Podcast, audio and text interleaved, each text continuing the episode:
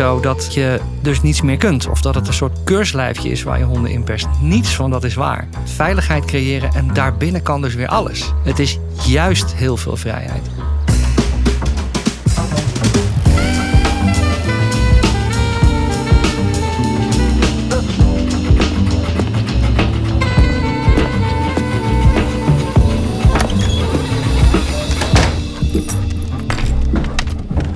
Welkom weer bij de vierde aflevering van 100%. De podcast die 100% in het teken staat van de hond.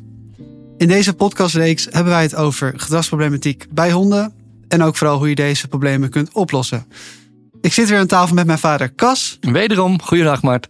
En Cas is hondengedragsdeskundige en gaat antwoord geven op al jullie vragen. Yes, dat gaan we doen. Nou, mooi man. Nou, welkom weer aan tafel. Ja, dankjewel. En uh, nou, dit is alweer de vierde aflevering. Ja. En um, nou, volgens mij is de vorige ook weer heel goed ontvangen.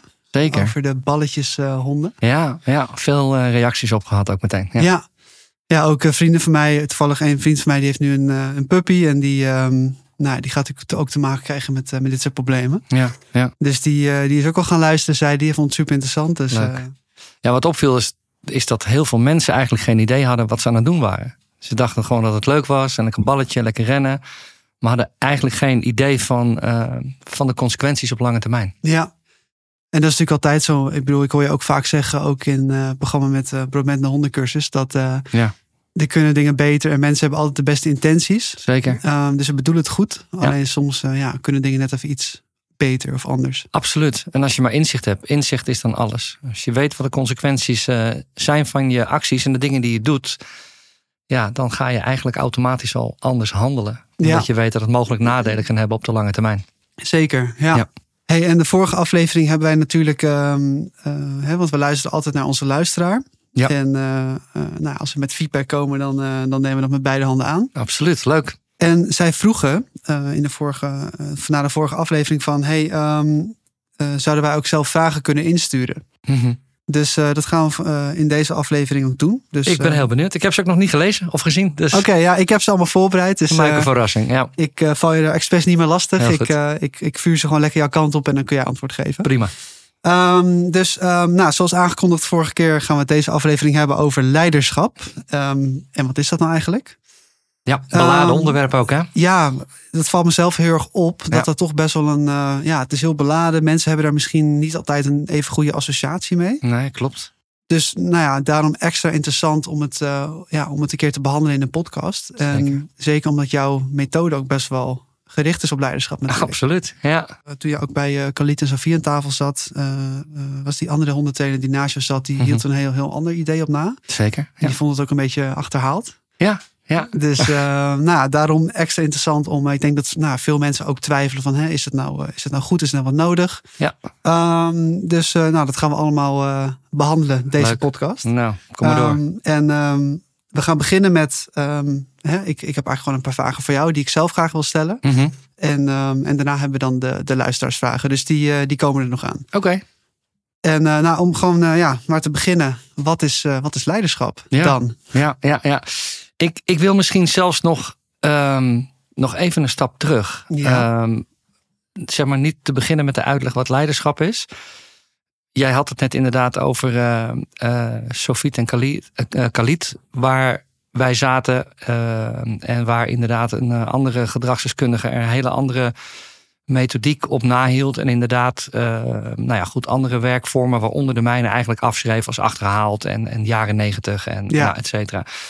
Ik wil eigenlijk, en dat is misschien meer een, ja, een betoog, of, eh, maar zeker voor, voor mensen die nog, um, nou ja, we hebben nu nog een, uh, met, door de politiek nog zwevende kiezers. Ja, Maar misschien dat er zelfs mensen zijn met honden die nog nadenken en uh, zweven van, ja, wat is nou voor mij de beste aanpak? Wat Ja. wil ik graag? ja, En ik wil eigenlijk zeggen dat, um, kijk, er zijn gewoon heel veel wegen naar Rome in dit vakgebied.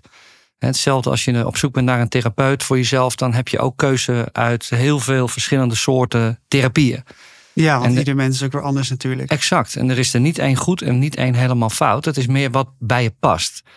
En ik, met, zeg maar, in mijn werk is het ook van belang om goed te kijken als baasje zijnde welke werkwijze past nou bij mij.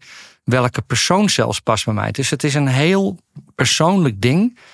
Ehm, waar je eerst goed over na moet denken wat bij je past. Ik denk dat ik dat nog wel wil meegeven. En ik persoonlijk vind, ben ik in de overtuiging dat er geen goed en fout is. Dus eigenlijk elke manier, elke werkwijze eh, heeft zo waarschijnlijk zijn voor's en zijn tegens. Maar het gaat er meer om dat je goed nadenkt van wat wil ik nou eigenlijk en hoe wil ik dit aanvliegen. En dat wou ik nog eerst voorafgaand aan eh, het vraagstuk wat is nou eigenlijk leiderschap, wou ik dit nog even meegeven. Ja, en oké, ja, makes sense eh, wat je zegt. Als je naar een psycholoog gaat, dan heb je ook allerlei soorten behandelmethoden. En ehm, Ja. ja, eh, Ja, de dat, een is geschikt voor de een en de andere methode is meer geschikt voor de ander. precies. En het hangt natuurlijk ook heel erg van het probleem zelf af. Welke methode dan weer Exact. geschikt is. Dus, ja. En ook weer per hond. Dus ik vind, Ja. nou, dat vind ik veel belangrijker dan, eh, ja, dan één werkwijze toe te schrijven als dit is goed en dat is niet goed. Want daar gaat het helemaal niet om. Het gaat om de mensen, het moet passen en het moet goed voelen. Ja, nou, Dus dat eigenlijk. super duidelijk. Ja. En dan heb ik eigenlijk aansluitend gelijk een vraag daarop. Ehm, want ik weet dat jij ooit bent begonnen met jouw hondenwerk. Ehm, jij bent ooit begonnen met de wat meer heftigere gevallen. Hè, ik weet nog wel dat jij, toen jij, eh, een beetje in het, begin van jou- in het begin van jouw carrière, werd jij eigenlijk meer een beetje als second opinion gebruikt. Klopt. Ehm, en ja, dus ik moet eigenlijk denken aan, is die leiderschapsmethode dan eigenlijk geschikter voor de wat zwaardere gevallen? Aha, ja. Ja, dat is een hele goede vraag. Ehm, ja, eh, hele korte vraag. Eh, kan ik alleen maar een uitgebreid antwoord op geven, denk ik. Want, ehm, kijk, je moet een hond, het, naar mijn idee, het leiderschap geven wat er voor die specifieke hond nodig is. En natuurlijk, als, ehm, als honden fout zijn gegaan, Hè, door, doordat wij als baasje eh, nou, te weinig leiding hebben gegeven, te weinig sturing en te weinig duidelijkheid hebben verschaft, dan kan het met een hond fout gaan. En als een hond al eenmaal in de fase is dat het mis is gegaan en dat hij al heeft gebeten of dat er allerlei zaken al eh, aan de hand zijn, ja, dan is heel veel duidelijkheid en heel veel regels en grenzen zijn dan wel nodig. En dat noem je dan toevallig leiderschap. Oké, Hè? Daar ga ik zo meteen uiteraard verder op in. Maar ik ken ook mensen met hele kleine hondjes. Die, hè, wat eigenlijk ook best wel boefjes blijken te zijn. Hè? Die gewoon Oef. lekker hun eigen gang doorhalen. Nou, die hebben ook heel veel duidelijkheid nodig. Noem het maar duidelijkheid. Hè? Want dat is zo, daar ga ik zo meteen wat verder op uitweiden. Dat over nou, puur het woord leiderschap. Maar je hebt ook honden die eh, redelijk makkelijk zijn. En die, nou ja, ik zou haar zeggen, zichzelf bijna lijken op te voeden. Nou, dan is er dus wat minder nodig van jou als baasje zijnde. ja, Zo moet je het eigenlijk zien. Dus je geeft een hond naar waar de behoefte ligt. En makkelijke honden hebben minder regels en minder grenzen nodig. En minder, minder afkadering. En terwijl de honden die de grens opzoeken, die hebben dat is klaarblijkelijk gewoon meer nodig. ja. Oké, duidelijk. Ja. En ehm, nou ja, eigenlijk om weer terug te komen bij, mijn, eh, bij de eerste vraag die ik Ja. had. Eh, hoe ziet dat er een beetje uit, leiderschap? Ja, ik ont ontweek je, je ja, vraag niet. op. nee, weet ik. Ja, nee, hoe ziet dat eruit? Ehm, kijk, leiderschap is, zit een beetje, wat jij terecht en aan het begin al opmerkte, zit een beetje in, eh, in een foute hoek. Daar hebben we een wat negatieve associatie mee. Eh, leiderschap, eh, we willen eigenlijk liever vrijheid, blijheid, hè, dat soort termen bij onze hond. Daarvoor nemen we ook een hond, hè, om lekker een mooi leven te geven. En Absoluut. Hè, en niet om een hond eh, te moeten leiden. Of de associatie misschien met onderdrukken. Hè, dat, dat hoor Ja. je heel vaak. Ja, Maar leiderschap is eh, in de breedste zin des woords eigenlijk alleen maar het, het verschaffen van, van, van duidelijkheid en een raamwerk voor een hond waar ze zich veilig in kunnen voelen. Als ja. ik het even in één zin zeg. Leiderschap is dus niet die foute associatie dat mensen wel eens met, denken met een op, met opgestroopte mouw of een vent die heel hard staat te schreeuwen tegen de hond. Of, hè, of ehm, met een hoop eh, verbaal geweld iets voor elkaar probeert te krijgen. Want niets is minder waar. Leiderschap is juist op meerdere plekken duidelijkheid verschaffen. En, en duidelijkheid verschaffen doe je, ik dan heel vaak zonder woorden, met heel veel rust. Maar wel tijdig aangeven wat je wel en niet wil. En dan is leiderschap eh, een zegen voor iedere hond. Want Je verschaft ze alleen maar duidelijkheid. En nogmaals, ik trek niet het vergelijk met mensen. Maar ja, net als kinderen. Nu, nu doe ik het toch. Net als kinderen. net als kinderen. Hè, die, die gedijen ook op, op duidelijkheid. En, Ja. en voor een hond is dat niet anders. Het zijn natuurlijk eh, sociale roedeldieren. Waarin eh, de alfa dan, de leider, eh, toch bepalend werkt. En, en die duidelijkheid en die rust, dat is ook een stukje veiligheid in die roedel. Ja, Dus ja, leiderschap is indirect ook veiligheid. En veiligheid is fijn. ja, En er zijn vele manieren om en heel veel kleine signalen om dat leiderschap te geven. En zo moet je dat leiderschap dus eigenlijk zien. Dus het zijn heel veel ja, minimale, kleinere signalen. Waardoor de hond heel duidelijk weet waar hij of zij aan toe is. ja. Dus ik hoor jou nu eigenlijk zeggen rust en weinig spraak. Ja. Dat is inderdaad dus hè, eigenlijk contra aan eh, schreeuwen en ehm, een soort van ehm, machtsvertoon bijna. Het is juist Absoluut. bijna, het voelt voor mij dan een beetje als, als Contra. ja, het is heel Ja. erg contra. Ja, En dat is misschien ook wel waar de, waar de verwarring dan zit bij mensen. Dat Exact. ze het anders zien dan dat het daadwerkelijk is. exact. Want eh, stem verheffen, boos worden, eh, nou, noem het allemaal maar op. Hè. Dus dat hele spectrum van emoties, dat is anti-leiderschap. Mensen die moeten schreeuwen of die geagiteerd raken, die boos worden, of die zelfs, soms zie je dat, hè, dat die fysiek worden uit onmacht. Ja, dat is anti-leiderschap. Want als jij boos wordt, hoeveel leider ben je dan? Heb je de situatie dan wel onder controle? Nou, Ja. is het antwoord gewoon nee. Maar goed, eh, je zegt net, ik wil niet vergelijken met mensen. Maar voor mij, een goede leider, hoe ik dat inderdaad ook zie, een gezonde leider, Mhm, is inderdaad ook altijd rustig. Die heeft altijd alles onder controle. Precies. Die heeft overzicht. Die Ja. is heel, ehm, ja, ehm, met beide voeten op de grond. Ja. Rustig en, en zelfverzekerd. Exact. Ja, En dat, en, en, en dat alles bij elkaar, dat maakt je dan voor een hond geloofwaardig. Dat jij dus die veiligheid kunt verstrekken en verschaffen.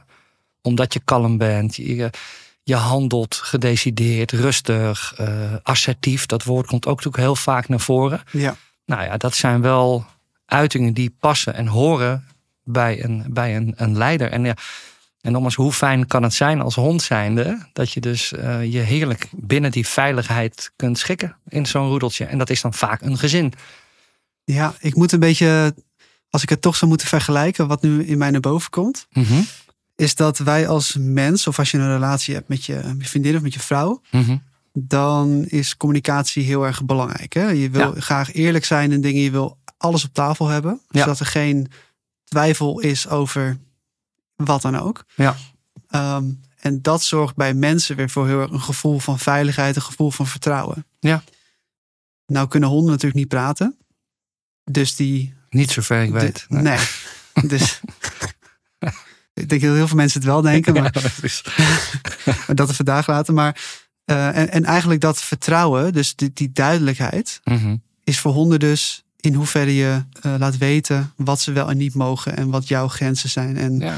dus eigenlijk wat wij doen in taal, doe je eigenlijk naar honden do- door middel van Handelingen door en grenzen handelingen stellen. en grenzen stellen. Ja, ja. Ja, dus je, cre- je creëert een raamwerk, een kader. Ehm, en binnen dat kader is heel veel vrijheid. Hè? Ik denk dat je dat ook, ehm, het- laten we dat mi- misverstand ook meteen de weg uithelpen. En ehm, dat, zeg maar, binnen eh, de regels die je stelt, ja, kan gewoon heel veel.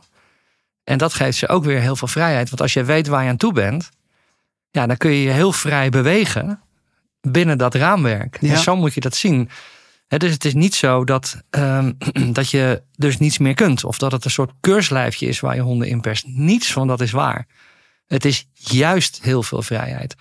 Ja, zo- eh, hetzelfde voorbeeld als je een hond van de riem doet. We hebben dat erover gehad in een vorige podcast. ja, Ehm, dat is het leuk als je de vrijheid aan kunt. Maar je moet wel ook daar eerst een raamwerk creëren. Eerst veiligheid hè, eh, ervoor zorg dragen dat terugroepen komen betekent veiligheid creëren. En daarbinnen kan dus weer alles. Ja.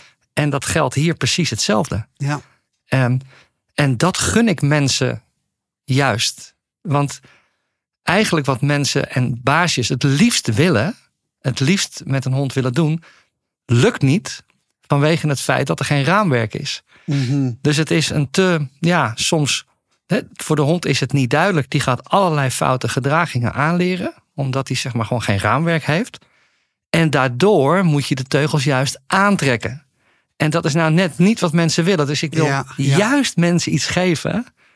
Waardoor je eigenlijk de hond, en dat willen de baasjes, die vrijheid kan geven. Maar wel binnen een gesteld kader. Ja, dus eigenlijk ironisch genoeg. Als je je hond vrijheid wil geven, waarvan je denkt dat het vrijheid is, moet je het eigenlijk juist weer inperken, omdat het vervolgens Kaderen. Gewoon de hond eigenlijk ja, te ver gaat of de, daarbuiten gaat en mogelijk allerlei gedragsproblemen kan ontwikkelen. Exact. Ja. Om, omdat er geen gesteld kader is. Ja, En dus niet weet waar die grenzen liggen. ja, En dus over iedere grens heen gaat. ja. Nou, en- daarom is het zo van belang. Ja, en, en hoe, hoe stel je dan die grenzen? Hoe ziet, het dat, hoe ziet dat er in de praktijk een beetje uit? Nou ja, kijk, door ehm, op basis van leiderschap te gaan werken. Dat begint natuurlijk al vanaf dag één dat je een hondje binnenkrijgt als, als, als pup zijnde. Dat je al meteen grenzen begint te stellen. Dat hij niet aan tafelpoten mag knagen. Dat hij niet eh, met je sokken door het huis mag rennen. Dat soort zaken. Dus je Ja. gaat al direct, eh, eh, je gaat al direct aan de slag.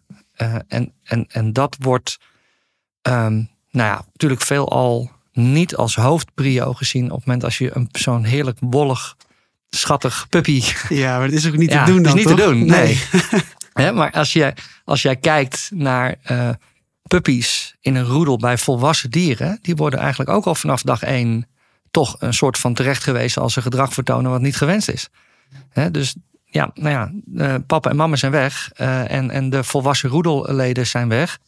Dus die taak die ligt nu bij ons. Dus dat regels en grenzen stellen, dus eigenlijk een stukje leiderschap creëren en duidelijkheid verschaffen. Ja, het begint al vanaf, eh, vanaf die puppyfase. Want daar zit je ook in die inprentingsperiode, zoals we dat noemen. Hè. We denken nu dat het gemiddeld tussen de 4, 6 en 16 weken ligt. Ja, die inprentingsfase is van levensbelang. Want daar leg je de blauwdruk voor het leven. Oké, omdat die hersenen dan nog het meest... eh, Zo'n spons. ja. Ja. die zijn ontvankelijk voor al die nieuwe prikkels en signalen. Juist, dus Ja. Daar, daar, daar, daar brand je echt de basis in. Ja. Die voor de rest van het leven eigenlijk eh, Ja. Ja, als een fundament blijft zitten in Exact. de hersenen. Ja, Precies dat. oké. Hey, en en zo'n ehm, zo'n correctie, hoe, eh, hoe doe je dat op een goede manier? Hè? Mhm. want, want leiderschap, wat je net al zegt, dat is niet schreeuwen, dat is niet eh, ja, geweld of, of eh, hè, ehm, Ja.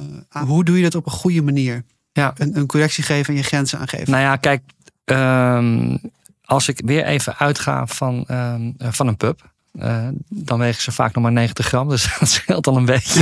Geen 90 kilo. nee, precies. Kijk, een correctie kun je op meerdere manieren geven. Je kan een hond ergens weghalen waar je hem niet wil hebben. Eh, je kan dat wel met je stem doen. Alleen het probleem is als je dat met je stem doet en het werkt niet in één keer, dan ga je het herhalen. Ga je het de tweede keer zeggen. Niet doen, hou op. Kom hier. En als dat nog niet werkt, want dat beestje spreekt geen, geen mensentaal. Hè, dus eh, eh, Mhm, dan, ga je ja. het, ga je het een derde keer zeggen en een vierde keer zeggen.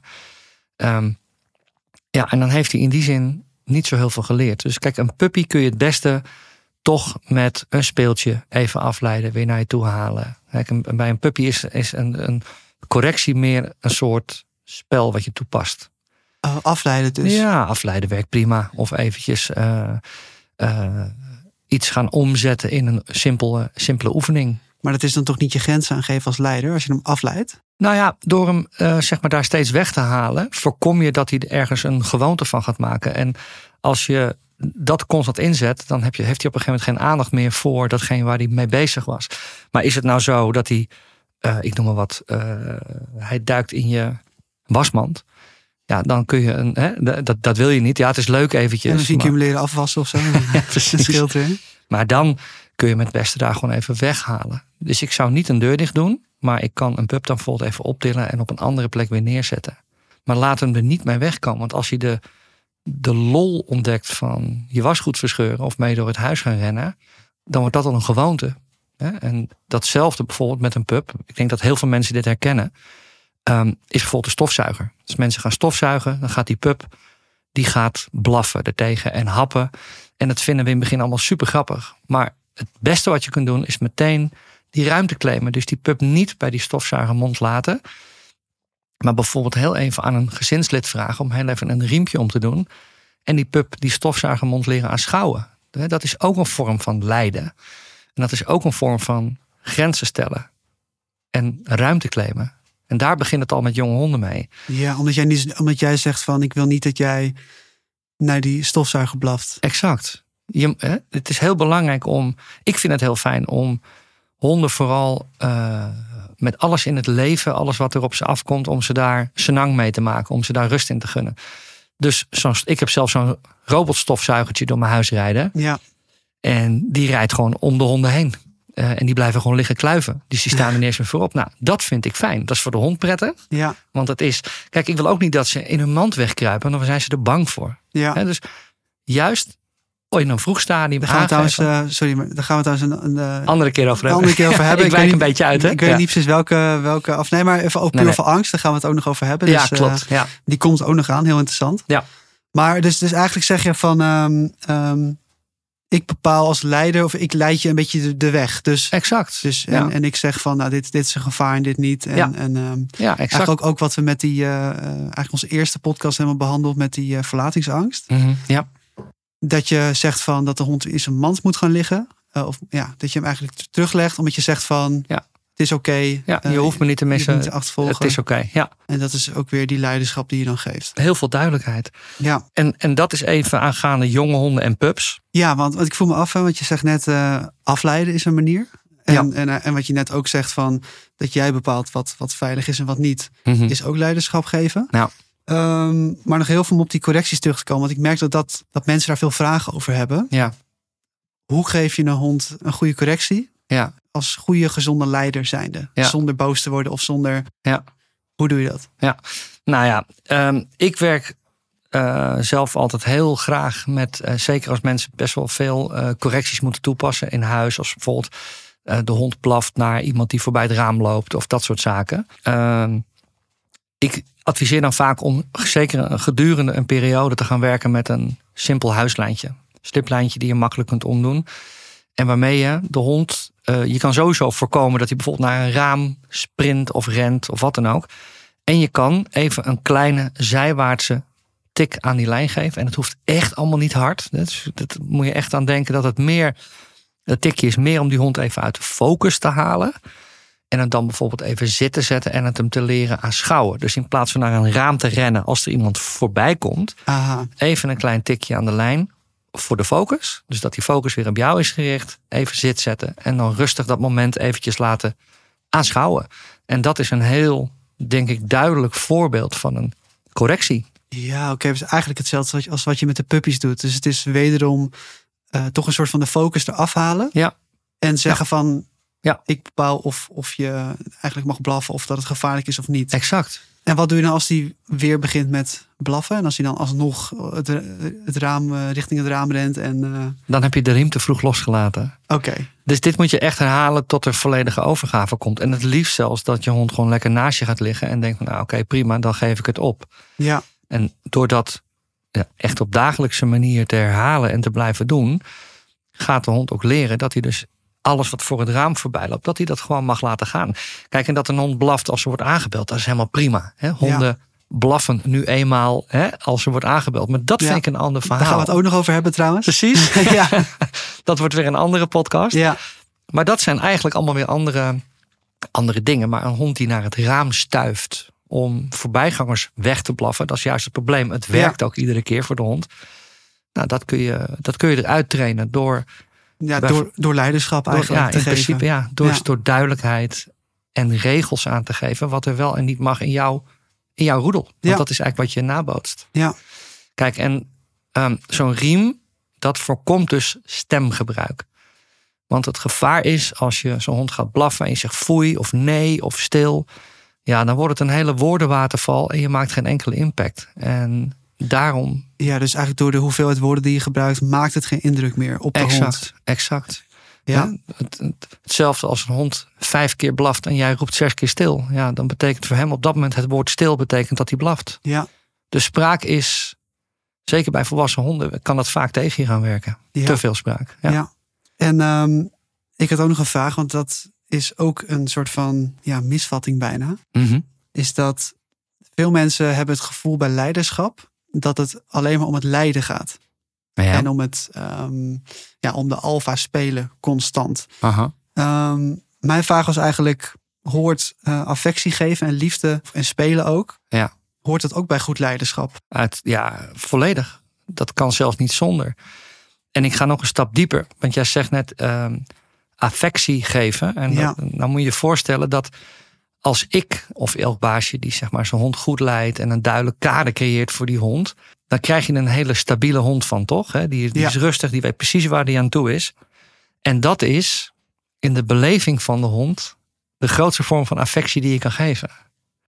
Oké. Dus, en dat is moeilijk, dan moet je heel even uit je menselijke brein stappen nu. Hè? Ja, zeker. Ja, dat merk ik ook. Ja, ja. Want als je hond bent en je voelt je, eh, je, voelt je veilig, je voelt je, hè, dat er is iemand bij je die constant over je waakt als het ware, want dat doet een alfa natuurlijk. ja. Dat geeft een heel onbezorgd en veilig gevoel.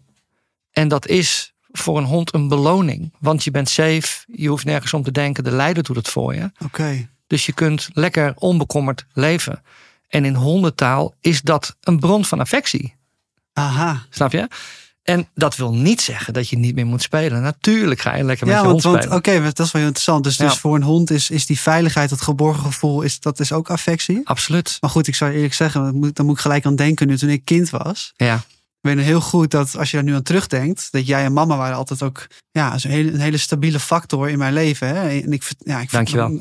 ik vertrouw nog steeds blind eh, op jou en Mhm. eh, vroeger ook. Maar met name vroeger heb je, heb je als kind het gevoel als je dan op de achterbank zit en je gaat ergens heen. ja, ja. ja. Dat je je helemaal senang helemaal veilig voelt. En Ja. je denkt niet na over Nee. gevaar op de weg. Want hè, als je nu op de weg rijdt, dan, dan, ben, je- nou, dan ben je Bewust. Ben je bewust en dan ben je bewust van gevaar. Ja. Eh, als kind geef je helemaal over. Ja, Ehm, dat is het en, eigenlijk. en dat gevoel dus, Ja. dat geborgen gevoel, dat heeft een hond dus ook Ja. als je hem goed leiderschap geeft. Ja. Maar nou, dat is ja. super go- goed te horen. En ja, en ja, nou ja, inderdaad, als je dan toch de vertaalslag maakt, dan is dat een goede vertaalslag. ja, Weet je, dus het, het ligt vaak veel basaler dan wij denken. ja. Maar we zijn natuurlijk ook gewoon mensen. We zijn ook. eh, Nou, precies, want, want daar waar ik nog op terugkomen. Ehm, voor mij op dit moment is affectie geven. Ik versta daaronder. Ik wil even lekker eten geven aan, aan de hond, of spelen, of aaien, of Ja. wat dan ook. Ja. Dat versta ik onder affectie. En ik denk ook een hele hoop mensen met mij. Ik denk zeker. dat bijna niemand eh, Nee. dit onder, zeg maar, ik leiderschap onder affectie verstaat. en daarvoor heb je natuurlijk ook een hond. Ja, tuurlijk. Ehm, tuurlijk. Hoort dat dan ook bij goed leiderschap? Of doet dat dan weer afbreuk aan je leiderschap? Hoe, hoe zit dat? Ja, ehm, kijk, ik geef ook affectie aan mijn honden. Want dat is leuk. Je wil ze lekker eh, aaien, kroelen. Dat is all in the game. Want ik word er ook vrolijk van. Laten we dat gewoon. Hè, Ja, eh, toch? Dat is, zo, dat is natuurlijk, dat is wat het is. Ja, Ik ben ook net een mens af en toe. Hè, dus ehm, ehm, het is, kijk, als leiderschap helemaal klopt. Dus eh, de hond interpreteert jou als leider. Die voelt, kan zich veilig voelen. Die is blij in die veiligheid, in die roedel. Dan moet je voorstellen dat dan affectie van degene die jou die veiligheid. Hè, dus affectie ontvangen van degene die jouw veiligheid verstrekt ja, dat is dan nog een heel mooi extraatje. Maar ben jij of interpreteert de hond jou niet echt als alfa, of heeft niet het volle vertrouwen in je, omdat je dus te weinig duidelijkheid eh, eh, verstrekt en te weinig regels en grenzen. Dus de hond interpreteert je niet volledig als alfa, dan heeft dat ontvangen van die persoon, die jij niet als alfa ziet, heeft veel minder toegevoegde waarde. Oh, oké dan. Hond vindt het wel fijn. Het is geen straf, begrijp me goed hè. Ehm, ja. maar als jij affectie ontvangt van een stabiele leider, dan heeft dat zeker een grote toegevoegde waarde. ja, dat klinkt eigenlijk wel heel logisch. Dus, dus eigenlijk begint het altijd eerst met leiderschap. Ja, En daar volgt dan, daarna kan dus pas eigenlijk affectie plaatsvinden op de manier hoe wij affectie interpreteren. absoluut. Dat Ja. waren net als vroeger. En dan maak ik weer even een kleine zijsprong naar, eh, naar, naar hoe wij mensen doen. Dat was vaak de, de, de, de leraar aan het begin van het schooljaar. Die meteen heel duidelijk de regels afgaf en, en de teugels aantrok. Oh ja, ja. Daar kreeg je de beste band mee later. ja. Waarom? Omdat hij gewoon heel duidelijk zei van zo gaan we het doen. En als jullie dat doen, dan laat ik de teugels vieren. Ja. En de populaire leraar die je eigenlijk alles maar liet doen. Dat werd vaak halfweg het schooljaar een drama. Misschien herken je dit wel. Ja. Misschien herkennen de, de luisteraars dit ook wel. Ja. Ja. Dus er moet eerst een fundering gebouwd worden.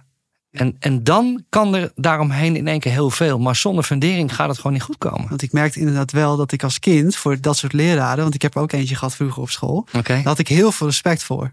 Ja. Want hij gaf gelijk, aan het begin van de eerste les was hij heel streng eigenlijk. Ja. En iedereen hield zijn mond dicht, niemand eh, deed iets. En toen gingen we gewoon lekker hard werken en iedereen had goede cijfers ook daar. Ja. En op een gegeven moment, eh, ja, eh ontdooide hij een beetje. Ja. En toen kon in één keer alles. Maar Maar, hij had men- zijn punt gemaakt. maar mensen hadden wel in hun achterhoofd, niemand ging dan te ver. Dus Nee. iedereen bleef wel binnen de marges. er was een kader gecreëerd. Ja, dat is inderdaad dat kader waar je het over hebt. Ja. En dat voelde heel goed. En dat zijn wel de leraren die je het langst onthoudt. En Ja. als, als, ja, als het het prettigst heb ervaren eigenlijk in, Ja. in mijn schooltijd. Ja. Weet je, dus ik, ik hoop ook echt als, eh, als, als mensen deze podcast luisteren, dat ik leiderschap geef, duidelijkheid verstrek, omdat ik van mijn honden hou. ja, Snap je? En als baasje zijnde, je neemt niet een hond om eens te zeggen: ik ga eens even mijn. eh, eh, ik ga eens even lekker de, de alfa uithangen. Ik ga eens even lekker regels maken. Dat doe je niet. Hè? Dat, dat, is, dat is natuurlijk ook heel logisch. Als ik een hondje, een puppy ophaal van acht weken, natuurlijk smelt ik ook. Natuurlijk vind ik dat prachtig. En ja, zo'n heerlijk lekker ruikend smurfie. En ehm, alleen ik kijk wel meteen verder, omdat ik weet, en dat komt omdat ik dit werk al 30 jaar doe, omdat ik weet als ik het niet doe, dat ik ergens tegenaan ga lopen, dat ik ergens stuk ga of fout ga, waardoor ik probleemgedrag moet oplossen. En daar bedien ik mijn hondjes niet mee. nee, nee. Dus dat stukje duidelijkheid, dat stukje regels, dat, dat raamwerk creëren, wat we dan leiderschap noemen, doe ik om mijn honden in balans te brengen en om, om ze een zo onbezorgd mogelijk leven te geven. Dat is Ja. de enige reden waarom ik het doe. En dat is in hun belang. Ja. Waar we het net ook over hadden, inderdaad. Eh, Ja. Wat kinderen ook kunnen ervaren bij hun ouders. Precies. Hey, en hoe belangrijk is, eh, is je lichaamstaal nou eigenlijk daadwerkelijk bij honden? Hmm, ja. Ehm, Zeg maar, als het gaat over leiderschap, hè? ja. Je hebt mensen die, eh, nou, die kunnen wat meer voor, voor over ge- eh, gebogen lopen. Ja. Die komen minder zeker over. Ja. Eh, maar je kan ook borst vooruit en rechtop staan. Ja. Eh, hoe belangrijk is dat voor een hond? Ehm, je Mhm. houding en misschien ook wel de. Hè, daarmee straal je ook een soort van energie uit. Ehm, hoe belangrijk is dat allemaal? Hoe, hoe erg weegt dat mee? Nou, dat weegt mee. Je, je lichaamstaal is natuurlijk de uiting van je lichaam. Dus inderdaad, hoe sta je? Wat, is, eh, wat vertelt je lijf eigenlijk? Hè? Dat, eh, dat is een onderdeel. Maar wat ook een heel belangrijk onderdeel is, hoe zit het tussen je eigen oren?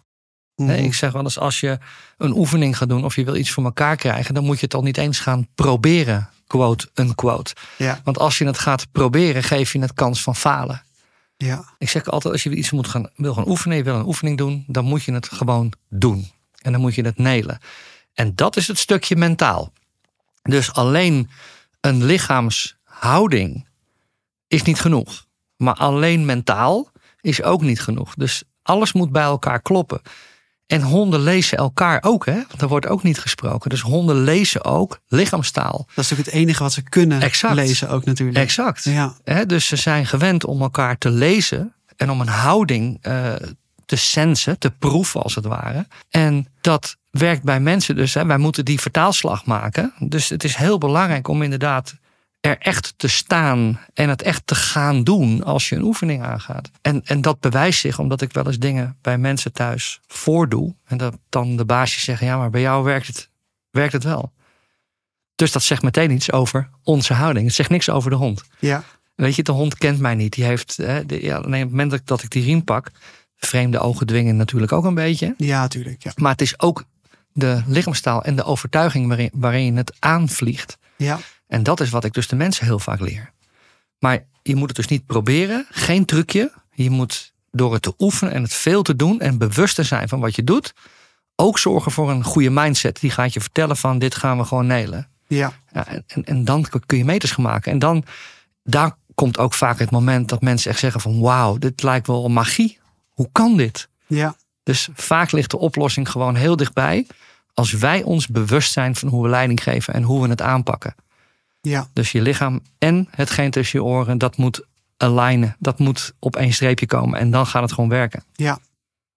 Maar goed, ik kan me natuurlijk wel voorstellen als je niet weet hoe je iets moet doen of wat dan de beste manier is om het te doen, dat je dan ook niet echt het vertrouwen hebt natuurlijk. Nee, Ehm, klopt. Nee, dat, dat is zeker waar. En je Ja. moet ook kijken, en dat is dan mijn werk vooral, met wat voor een type hond hebben we te maken. Want kijk, ik heb niet zomaar een setje generieke tips, ook niet over leiding geven. Want de ene hond is best wel eh, brutaal of stuurs, terwijl de andere hond super zacht is. Dus je moet ook per geval kijken van hoe pas je dat leiderschap toe. Ja, want als je nou, stel je hebt een hele onzekere hond of een getraumatiseerde hond. Mhm. Ja, Kan dat dan niet averechts werken als je een eh, borst vooruit, eh, Zeker. we gaan het nu doen, Ja. houding hebt? ja, het is misschien wel grappig dat je dat zegt, want in volgens mij aflevering 7 van Brom, eh, Bromet gaat op hondencursus, werk ik dus met een hele angstige hond. Ja, dat is trainen met zijde handschoentjes aan, zoals ik dat noem. ja, Dan ga ik heel vaak op mijn knieën erbij zitten om er juist mezelf zo klein mogelijk te maken. Dus met, met angstige honden die ook gedijen op leiderschap, maar dat pas je dat compleet anders toe. oké. Ja, Wat is dan het grootste verschil dan? nou dat ik, dat ik mezelf klein maak, eh, de hond niet aankijk, eh, dus dat ik ehm, mezelf niet over, te overweldigend maak. Ja, terwijl een hond die. Ik wel eens bij, bij, bij mensen kom, een hond die, die mij wel, eh, nou ja, die echt zoiets heeft van: ik laat mij niet vertellen van wat jij komt doen hier, ik laat me dat niet aanleunen. Nou, die hebben dan wat.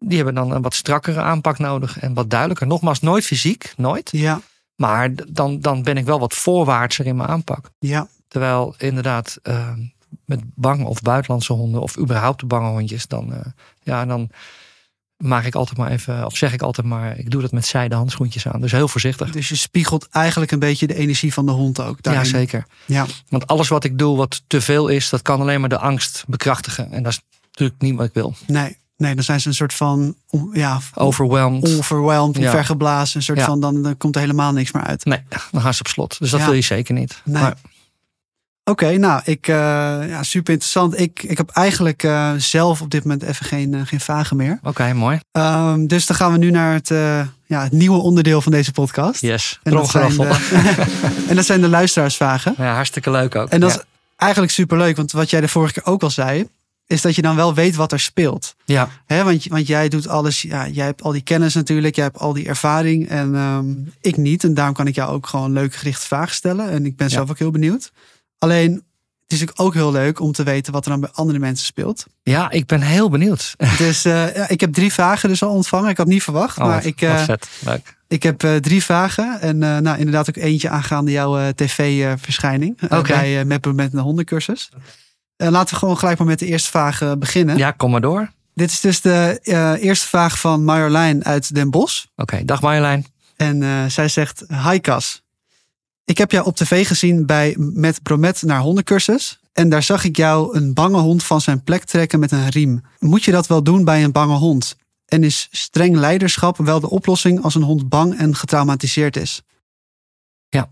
Oké. Dus eh, nou, dat Nou. was de eerste vraag van Marjolein. En ik vind het wel een hele terechte vraag. En dat is eigenlijk waar we het net ook al een klein beetje over hadden. Ja, nee, dat is ook ab- absoluut zo. Ja. Ehm, en ik vind het, ehm, ik ben blij dat ik deze vraag overigens mag beantwoorden ook. Eh, want deze vraag van Marjolein is, ehm, eh, kwam veel terug op de socials na de uitzending. Zeker bij mensen die mij niet kennen of die ik niet geholpen heb, eh, kwam dit veel vaker naar voren van, ja, is dit nu wel nodig? En ja, je trekt zo'n hond onder de stoel vandaan. Ehm, Ja, want die hond, even voor de, voor de mensen thuis. Hè, want eh, mocht je het niet gezien hebben, kun je het nog eh, eh, terugkijken op NPO Start. Ja. Dus is met Bromet een hondencursus. Ja. En het is aflevering zeven. 7. Ja. Ehm, het was een hond uit het buitenland. Ja. Ehm, uit Spanje. Spaanse hond, Spaanse hond. Guapa. Guapa, ja. En ehm, die, die was eigenlijk heel angstig. En Ja. eh, nou ja, als je meer wil weten over eigenlijk angst ook bij buitenlandse honden, met ook verlatingsangst, moet je even aflevering 1 luisteren. Ja. Maar ehm, die hond lag dus onder de stoel. Dus die durfde eigenlijk niet. eh, Die vond jou heel spannend. Die durfde ook niet naar buiten. Klopt. Die had allerlei problemen. Klopt inderdaad. Ja, Ehm, ik ben zelfs, toen wij daar aankwamen, ik had zelfs met de eigenaren afgesproken om de filmploeg eerst buiten te laten. Want ik ben eerst zelf naar binnen gegaan om even een in- inventarisatie te maken eh, van eh, waar we nu precies mee te maken hadden. Want ik wou niet direct eh, met drie man sterk naar binnen komen. Want bij ieder vreemd persoon kroop Guapa onder een stoel of tafel en lag daar. Nou ja, zolang dat die persoon binnen was, gewoon te trillen van de angst. Dus ik ben eerst even tien minuten met die mensen in conclaaf geweest. Maar goed, Guapa lag onder de stoel bij de baas. En daar, ehm, nou ja, daar, daar lag Guapa. En, en vaak kwam die daar niet meer onder vandaan. Totdat het huis weer leeg was. cameraploeg erbij. En toen heb ik, ehm, of heeft eigenlijk de, de eigenaar het riempje omgedaan bij Guapa. En ben ik Guapa rustig bij die plek gaan weghalen. En het heeft een reden, want zolang Guapa onder die stoel bleef liggen, was er ook sprake van angst. Ze bleef trillen, ze bleef in die, in die angst-vibe hangen en kwam daar niet meer uit. Dus dat werkt zelflerend, want al trillend onder de stoel, de mensen gaan vanzelf weer een keer de deur uit en dan kom ik weer naar buiten. Dus het is ook een soort werkwijze geworden van de hond. Oké, ja. Ik heb daar minutenlang over gedaan om Guappa heel rustig bij die stoel vandaan te halen en eigenlijk te betrekken in die cirkel, zodat ze weer kon snuffelen en ruiken. En dat, eh, dus het lijkt, dat komt ook door de edit, eh, alsof ik er in twee minu- minuten weg heb getrokken, maar dat heeft in- Ja, het leek wel 10 seconden eigenlijk. ja, tot tien seconden, ja. Ja. Maar dat heeft veel langer geduurd en dat hebben we met heel veel rust gedaan. En dat heeft er ook in geresulteerd. Ik denk dat dat het allerbelangrijkste is. Dat tijdens mijn bezoek dat Guappa al aan iedereen heeft gesnuffeld. En voor het eerst in haar leventje eh, heeft durven kennismaken met vreemden. Nu, acht maanden later, wij zijn nog geen drie weken samen nog, ehm, zijn we de edit wezen bekijken van de laatste aflevering. Ja. Toen heb jij Guappa zelf gezien. Ja. Dus dit is niet iets wat ik verzin of bedenk. ik, ik- inderdaad, want eigenlijk, ik, ik kwam naar binnen en eh, er zijn wel meer honden in die studio, want heel Ja. veel mensen hebben, hebben honden daar. Ja. En er kwam in één keer een hond om me afgerend, snuffelen en ik kon hem gewoon aaien. En ik dacht van, ah, leuke hond, van wie is die? Ja, En dat was dat hond van die mensen. Dat was Guappa dus, die Ja. onder de stoel lag en heel bang was. ja. Ja, En nou, dat, dat- is heel, heel bijzonder eigenlijk. Toch? Ja, En dat is acht maanden lang met leiderschap, met heel veel duidelijkheid, heel veel rust, zijn die mensen aan de slag gegaan. En als er nu wordt aangebeld, dan loopt Grappa gewoon mee naar de voordeur.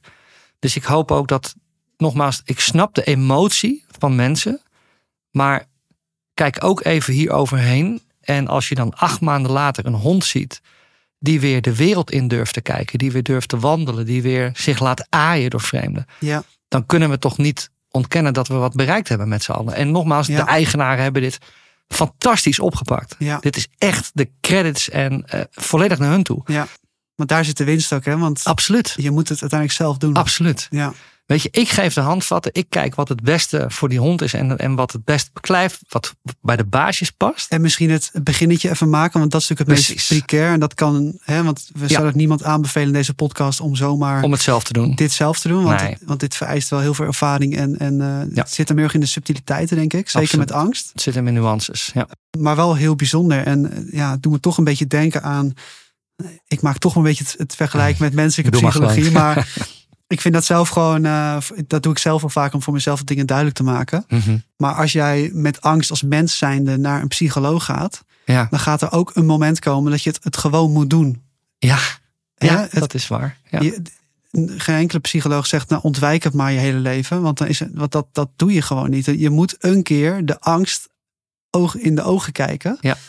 Om vervolgens daar een soort van overheen te komen. Ja, en dus je krijgt daar handvatten mee, zodat je inderdaad je angst onder ogen kan komen, maar wel met een idee erachter. En wetende wat, je, wat voor jou het beste daarbij past. Ja, En dat is wat ik met Guappa ook gedaan heb. ja, Weet je, dus je bedenkt een plan. Die mensen zijn ermee aan de bak gegaan. Maar inderdaad, er kwam een moment dat ik zei van ja, we moeten er even doorheen. Dat zie je dus ook in aflevering 7. ja, Maar toen we dat gedaan hadden, is dat, heeft zich dat ook niet meer voorgedaan. daarna. nee. Dus dat is even een beetje een vervelend moment. Even zure appel. Even de zure appel. Ja. En dat willen heel veel mensen ook niet zien, denk ik. En dat is ook niet fijn. Maar wel nodig om eh, daarna... Voor, voor eigenlijk voor Ja. altijd een heel fijn leven te kunnen leiden. Exact. Zonder die angst. Exact. Ja. En, dan, nou ja, en ik moet zeggen, ik was ook, eh, nou dat doet mij ook wat. Toen die hond op me af kwam rennen, natuurlijk, dat raakt je. Ja, Dat is fantastisch. Dan denk ik denk van, ja en, en jij hebt eigenlijk ook die hond eh, een aantal maanden niet gezien. acht maanden. Acht maanden. Ja, En dat hij dan zo eh, ja, ja, op je af komt rennen zomaar. eh ja. Na al Dus- die tijd. Ja, Dus, dus laat dan Guappa voor mij het antwoord gegeven hebben dat ik het goed gedaan heb. zeker. En, maar nogmaals, ik snap de vraag. Ik ben blij van de vraag van eh Marjolein. Dus dank daarvoor. Ehm, en ja, dit is het uitgebreide antwoord wat ik daarbij heb gegeven. En ik hoop dat je, dat je hiermee ook wat meer inzicht hebt gekregen in de reden waarom ik dat toen gedaan heb. Ja, super. Ehm, volgende vraag Kom maar op. van eh, Sabine. Die komt uit Groningen. Oké. En die zegt... ehm, Hoi Cas, ik merk dat ik het lastig vind om een leider te zijn. Oh ja. Soms luistert mijn hond niet en moet ik hem een correctie geven. Oh ja. Maar daarna voel ik mij ontzettend schuldig. Ja. Dat komt omdat mijn hond me dan zielig, heel zielig aan kan kijken. Ja. Vaak volgt er dan een periode dat ik hem weer te veel verwen, waardoor hij na een tijdje weer vreselijk slecht luistert. Ja. Heb jij tips hoe ik hiermee om kan gaan? Grappig. Dat je het cirkeltje eigenlijk heel hoort. Of nou, niet zozeer grappig voor haar. Het is Ja. helemaal niet leuk, anders had ze die vraag niet gesteld. Nee, Maar heel herkenbaar, laat ik het zo zeggen. Super Ja. herkenbaar. ik heb het zelf ook hoor, met eh, ons hondje Jamie. Ja. Die, is, die kan zo schattig kijken. Ja. Daar kun je gewoon niet streng tegen zijn. eigenlijk. Nee, dat smelt je. Ja, Ja. Ja, moeilijk hè? dat is echt heel lastig. Ja, en dat is ook meteen het. ehm, hier sta je ook meteen op de, de allerbelangrijkste drijvers. Jezelf de vraag stellen: hoe ga ik mijn hond in balans brengen en gelukkig maken? Ja, Versus. Maar ik ben mens en ik hou van mijn hond en ik wil helemaal niet streng zijn, want we willen eh, lang leven de vrijheid, lekker leven. En hè, dus daarvoor neem je een hond als aanvulling op je leven. Lekker wandelen, knuffelen. En dat hoort er allemaal bij. ja, Maar bij tekort aan leiderschap, ja, dan breng je je hond dus niet in balans. En dat is waar, ik ben even de naam kwijt. Eh, Sabine. Sabine. Ja, dat is waar Sabine een beetje mee kampt. En dat is natuurlijk dat je smelt voor dat lieve kopje van je hond. Ehm, kijk, het is goed om jezelf altijd bewust te zijn van ehm, kijkende naar je hond. Kijk, als dingen goed gaan, dan hoef je daar niet zoveel mee. Als een hondje lekker slaapt of een eigen ding doet, dan is dat prima. Hè? Dus dat, dan, als je jezelf de vraag stelt, moet ik iets doen als leider, ingrijpen of, of regels stellen of wat dan ook, dan is het antwoord nee. Maar ik denk dat je vaker bij jezelf, en daar zit eigenlijk ook de, de oplossing om die cirkel te doorbreken waar eh, Sabine in zit, is jezelf de vraag te stellen van hey, dit gedrag wat mijn hond, mijn hondje nu vertoont, is dat oké? Voegt dat iets toe aan het welzijn van mijn hond? Nou, als je antwoord dan nee is, bijvoorbeeld als ze enorm blaft of enorm schooit of wat dan ook, en je stelt jezelf de vraag: is dit, voegt dit wat toe voor het welzijn? En je zegt nou, nee, dat antwoord is nee. Dan is het handiger om in te grijpen. Want je hond gaat anders de verkeerde kant op. En Ja, dan moet je boos worden. En als je boos moet worden, of je wordt machteloos, dan is het weer zwakte. Dan Ja. ben je geen leider. ja, ook dat. Maar dan heb je helemaal niet een hond die in balans is. Nee, Dus probeer af en toe, eh, en misschien is dat, ja, klinkt het wat zakelijk, maar als je jezelf afvraagt van, hey, is het oké? En je zegt van, nou, nee, dit is geen gedrag wat ik, wat ik eigenlijk wil zien, dan bedien je je hondje, maar ook jezelf in die end, door op dat moment gewoon rustig en als leider in te grijpen, zodat het een volgende keer niet meer gebeurt, of in ieder geval na een periode niet meer. En hoe duidelijker het kader, hoe minder jij dat hoeft te doen. ja, En hoe meer je dus weer van je hondje kunt houden in de menselijke. En ik zit hier met mijn vingers te quoten. ja, ja, ja, ja. In de menselijke zin. ja tussen aanhalingstekens. Dus aanhalingstekens. Hè? Dus, Ja, en en dat, is, dat wil ik er eigenlijk meegeven. Maar probeer wel voor jezelf even een plan te maken. Een soort voor jezelf dan even een raamwerk te maken van wat wil ik wel en wat wil ik niet. ja, En als het antwoord is van nee, dit wil ik dus niet. Grijp dan in, maar wel tijdig en rustig. Zodat het uiteindelijk niet meer hoeft. En dan doorbreek je die cirkel. Want daar zit zij een beetje in, heb ik het idee. ja. En ik denk toch dan, als je voelt dat het nodig is, even je gevoel parkeren en Ja, echt met discipline ja gewoon handelen. toch handelen. Ja, En dan in het belang van je hondje. Ja. En dan denken van, en dat doe je dan met, met rust en met leiderschap. ja, Dat is ook mijn bekende relmethode natuurlijk. Hè? ja, Eh, met rust en met leiderschap en weinig spraak. En dan zul je zien, als je op de momenten even duidelijk bent waar je een punt, hè, een punt wil maken Ja. als leider, dan krijg je veel meer balans en rust terug in je, in je hondje. En dan kun jij als baasje dus eigenlijk weer meer je ding doen die je leuk vindt. ja. Nou, helemaal duidelijk. En dat gun ik iedereen. Ik ook. En ook elke hond. Ja, precies. Dan zijn we alweer bij de laatste luisteraarsvraag. Oké, En ehm, die komt van Marja uit Hoorn. dag Marja. En die zegt, beste Cas, ik woon samen met mijn hond Vicky. Ik lees veel over leiderschap en dat, het, ehm, en dat een overtuigende houding enorm belangrijk is. Ja. Helaas zit ik al zo'n tien jaar in een rolstoel en merk ik dat ik het lastig vind om deze houding aan te nemen vanuit een zittende positie. Dat snap ik. Mijn hond is verder heel lief, maar luistert zeker niet altijd. Heb jij tips hoe ik overtuigender over kan komen richting mijn hond? Groetjes Marja. Nou, dat is, eh, dat is inderdaad een hele legitieme vraag. Want ehm, het onderdeel wat je zeg maar, normaal bewerkstelligt met een overtuigde lichaamshouding. Waar we het net eigenlijk over hadden ook. Ja, Ja, dat doe je dan vaak staand of lopend. Uh, dat gaat niet bij Maya. En ik heb vaker mensen geholpen in een rolstoel. Dus ik heb hier ook echt ervaring mee. Kijk, als we één deel niet kunnen inzetten, dan hebben we natuurlijk altijd nog het andere deel. En dat is het mentale deel. Daar hebben we het net over gehad. Dus dat stukje mentale houding, dus een overtuigde werkhouding, dat is één. Ja. Maar uh, nu ben je bijvoorbeeld thuis uh, en je wil je hondje laten voorkomen en die komt niet. Ja, dan kun je zo mentaal zijn als wat je wil, maar dan houdt het ook op. Hè? Ja. Je kan er niet eventjes makkelijk heen lopen. Of met een rolstoel kost dat waarschijnlijk te veel tijd. Ja. Kijk, dan kun je. een vertragende factor lijkt mij ook. Ja. ja. Ja. Kijk, dan kun je zaken inzetten als bijvoorbeeld een lange lijn. Dus een, uh, in huis heb je vaak aan een drie of een vijf meter lijn voldoende. Aha, komen we weer terug bij de lange lijn. Ja, ja, ja. ja, ja. Alles wat je niet, zeg maar, uh, fysiek kunt oplossen, dat lossen we op met de lange lijn, inderdaad. Ja. En zo kun je ook in huis, kan zij uh, een commando hier of zit of wat dan ook voor, uh, onvoorwaardelijk maken. Door die lange lijn om te doen. En er zo voor te zorgen dat als, uh, als haar hond het niet doet of ze weigert. Dan kun je dus met die lange lijn dat bewerkstelligen. Ja. En dat is ook vaak heel leuk hoor, om dat in huis dan te trainen. Um, want het is ook nog een hele mooie mentale uitdaging voor je hondje zelf. Ja. Dus uh, als mentaal of duidelijke commando's hè, of de juiste mindset onvoldoende werken, lange lijn om, meteen die lange lijn om en, en doortrainen.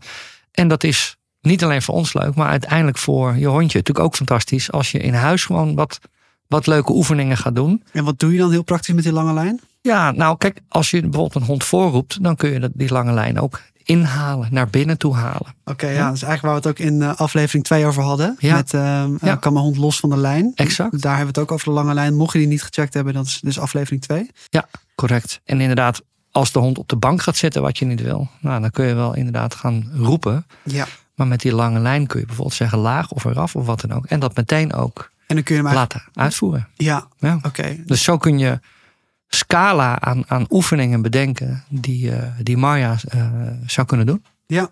Met nou. een lange lijn. En dan.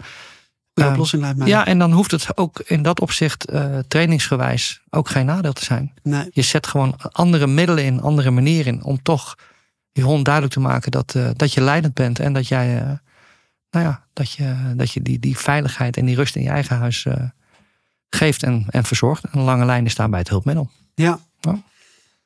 Nou, super.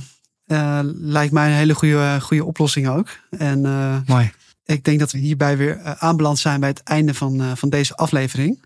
We hebben een hoop verteld, ja. Is een, volgens mij is hij vrij lang. Dus, dat idee heb ik ook. Ik heb Ja. niet op de klok gekeken, maar Nee. ik denk het wel, ja. Maar het is ja, best wel een, dat dacht ik al toen we begonnen met het onderwerp. Het is Ja. best wel een alomvattend, hoe zeg je dat? ja, het is best wel een veelomvattend. veelomvattend Ja. onderwerp. Dus um, Waar een stigma overheen hangt. Ja. En ja, er is een hoop, of er was een hoop uit te leggen. ja, Nou het is een, het is een, hoop over te zeggen. Klopt, Ehm, klopt.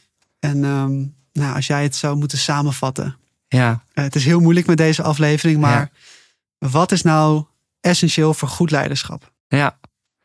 Ja, dat is toch de, ja, wat ik zeg, de, de REL-methode rust en leiderschap. Maar Ja. rust is één ding.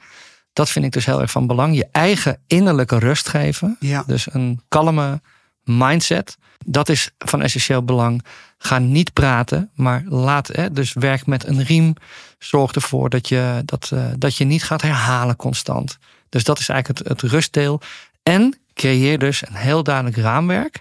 En binnen dat raamwerk, hè, dus wat de hond wel en niet mag in huis. En zorg ervoor dat het wordt uitgevoerd. ja, Maar wel met heel veel rust.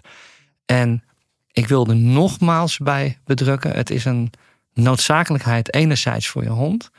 Maar op het moment als je hondje die rust ervaart in jouw roedel en dat raamwerk heeft, dan krijg je de allerblijste hond ever. Die binnen dat raamwerk alle vrijheid heeft. ja. En het grappige van de relmethode is dat het ogenschijnlijk is het eh, veel rellen en schreeuwen en Ja. wat mensen denken dat leiderschap is. Exact, Maar eigenlijk is het heel veel rust en vertrouwen en Ja. eh, ja, Ja. gewoon een heel fijn rustig leven voor de hond. exact. Ja. Mooier kan het niet worden. Nee. Nou, dat, eh, dat was hem weer voor, voor deze aflevering. Mooi. Echt nogmaals super interessant. En ehm, in de volgende aflevering gaan we het hebben over ja, welke hond past nou eigenlijk bij mij. Oké, ook heel interessant. Ook heel interessant. Ja. Dus dan gaan we het hebben over, ja, ik denk alle rassen. En met als doel dat mensen ook de goede keuze kunnen maken.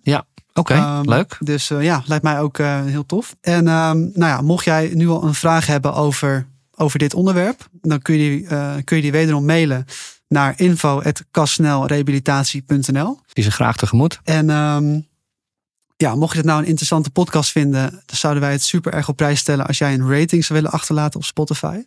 En je kan ook zelfs een reactie achterlaten, zag ik laatst. Dus uh, nou, Oh. mochten jullie dat willen doen, kan dat ook. Ook leuk. Zouden wij echt op prijs stellen. Ehm, en met die rating worden wij uiteraard weer beter gevonden. Kunnen Ja. we hopelijk weer nog meer baasjes en honden helpen.